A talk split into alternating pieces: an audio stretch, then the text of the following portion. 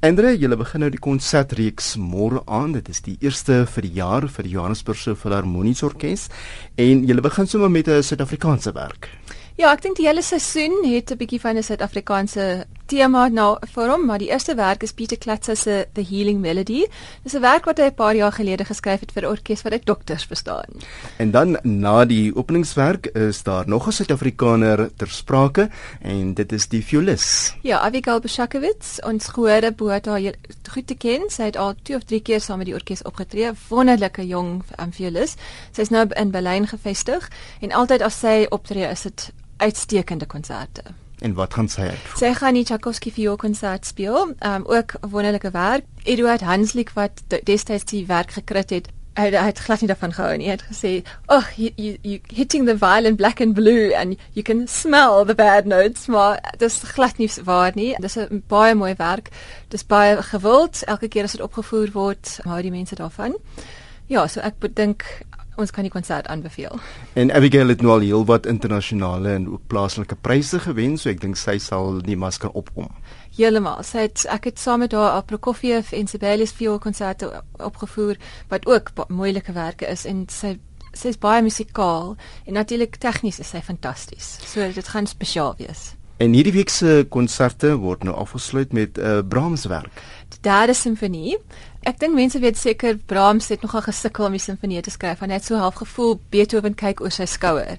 Maar hierdie um, simfonie het eintlik net in 6 weke geskryf. Hy was op vakansie op die Rynrivier, uh, vakansie gemaak en um, die werk in baie kort vir hom 'n baie kort tydperk geskryf. Dis 'n baie gewilde werk, dis baie mooi. Ons het nou al 2 dae geoefen. Ek is mal daaroor. Dis wonderlik om vir die orkes om te speel. En om die Suid-Afrikaanse tema nou nog verder te voer, die dirigent is ook 'n Suid-Afrikaner. Wel, hy oorspronklik uit Rusland hier na toe gekom, maar hy is in Durban gevestig al 'n hele klompie jare. Hy is die eerste violis in die orkes, maar hy dirigeer daar ook. So hy maak sy debuut saam met die JPO. So ja, dis 'n hele Suid-Afrikaanse konsert. Nou kom ons beweeg na die tweede konsert. Dit is nou op die 4de en die 5de Maart wat aangebied word. Dit is nou van Johannesburg se Filharmoniese Orkees. Maar dan gaan julle 'n heeltemal 'n ander tipe konsert aanbied. Ja, dis Wat is die belangrike aspek wat dit so anders maak? Was die eerste keer dat ons so 'n uh, opera hoogtepunte konsert aanbied. Ons werk saam vir die eerste keer saam met Bigwig Opera, die Stefan Lou en Elizabeth Lombard se ehm um, opera maatskappy wat hulle so 'n paar jaar gelede gestig het. Hulle is besig om baie mooi werk te doen, meer en meer operas op te voer. Hulle het tot nou toe saam, meestal saam met die klavier gewerk. So ons dis die eerste keer dat ons saam met hulle 'n um, konsert opvoer. Ons het saam met hulle, ek dink, regtig 'n wonderlike program saamgestel. Al daai mooi areas waarvan mense verskriklik hou as hulle in die opera voorkom. Soos byvoorbeeld Aida, Celesta Aida, die tenor aria die um Anvil Chorus, Coro di Zingari uit Il Trovatore wat baie gewild is. Daar is operas, daar's uittreksels as uit Manon van um Massenet die blomme duet uit Lakme. Dis so, lyk vir my die lys is nogal redelik lank van gunsteling areas en ek dink mense kan lekker uitsien daarna. Maar sê vir my vir julle as orkeslede, is dit 'n uitdaging om nou met sangers op te tree terwyl julle nogal baie keer is julle soliste en die ander werke wat julle ook uitvoer, almal instrumentaliste. In die simfonieseisoen is dit mos gewoonlik instrumentaliste, klavier, cello, viool veral.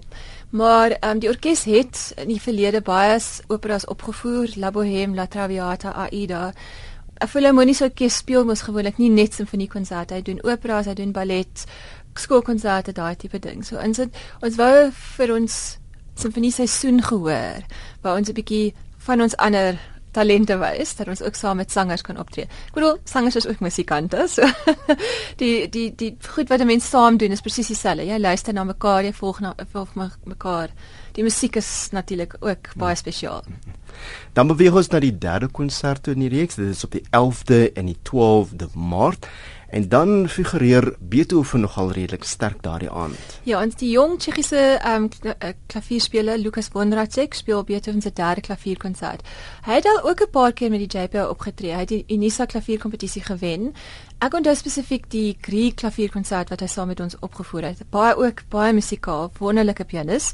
Daniel Boyko dirigeer daai konsert. Hy het uh, weer my gunsteling uitvoering saam met hom was die Tchaikovsky 6de simfonie paar jaar gelede. Baie baie musikaal.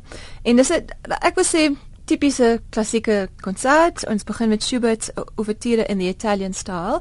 Daai het ons nog nooit opgevoer nie. Ek het 'n bietjie gaan luister op YouTube tipies Schubert. Mooi melodie. Ek weet nie of mense besef het hy het by Salieri studeer mm -hmm. in Italië. So ek dink daai hy het ook Rossini operas gehoor en dit het hom beïnvloed om daai werk te skryf. Baie oulike stukkie van mooi musiek. Soos ek sê dan die Beethoven klavierkonsert nommer 3 en dan hou ons op om in die Italiaanse tema verder te gaan met die um, Mendelssohn simfonie nommer 4, sy Italiaanse simfonie. En dan die laaste konsert, dit is nou op die 18de en die 19de Maart.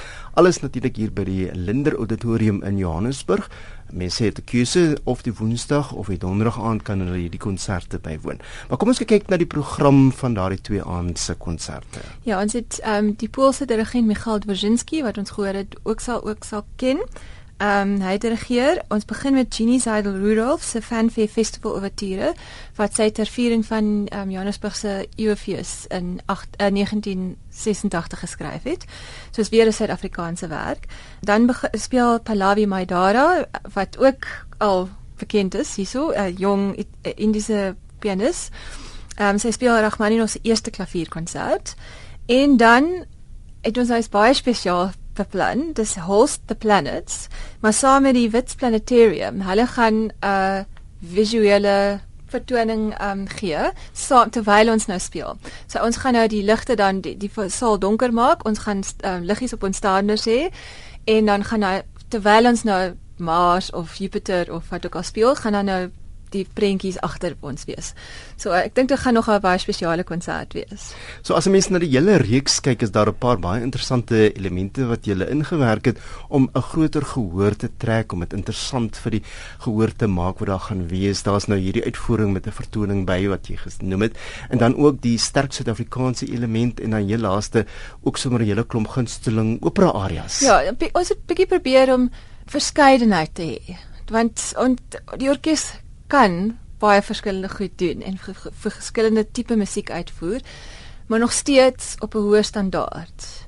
En dis wat ons probeer het vir die gehoor gee dat hulle bietjie van alles kry. Ek wil noem die seisoen se titel is eintlik die NLDTF seisoen want sonder die lotery se befondsing so ons glad nie die laaste 2 jaar kon optree het nie. So ons sê natuurlik verskriklik baie dankie vir hulle. En omdat dat die NLDTF seisoen is, het ons natuurlik probeer om vir al Suid-Afrikaanse musikante en werke op, op te voer.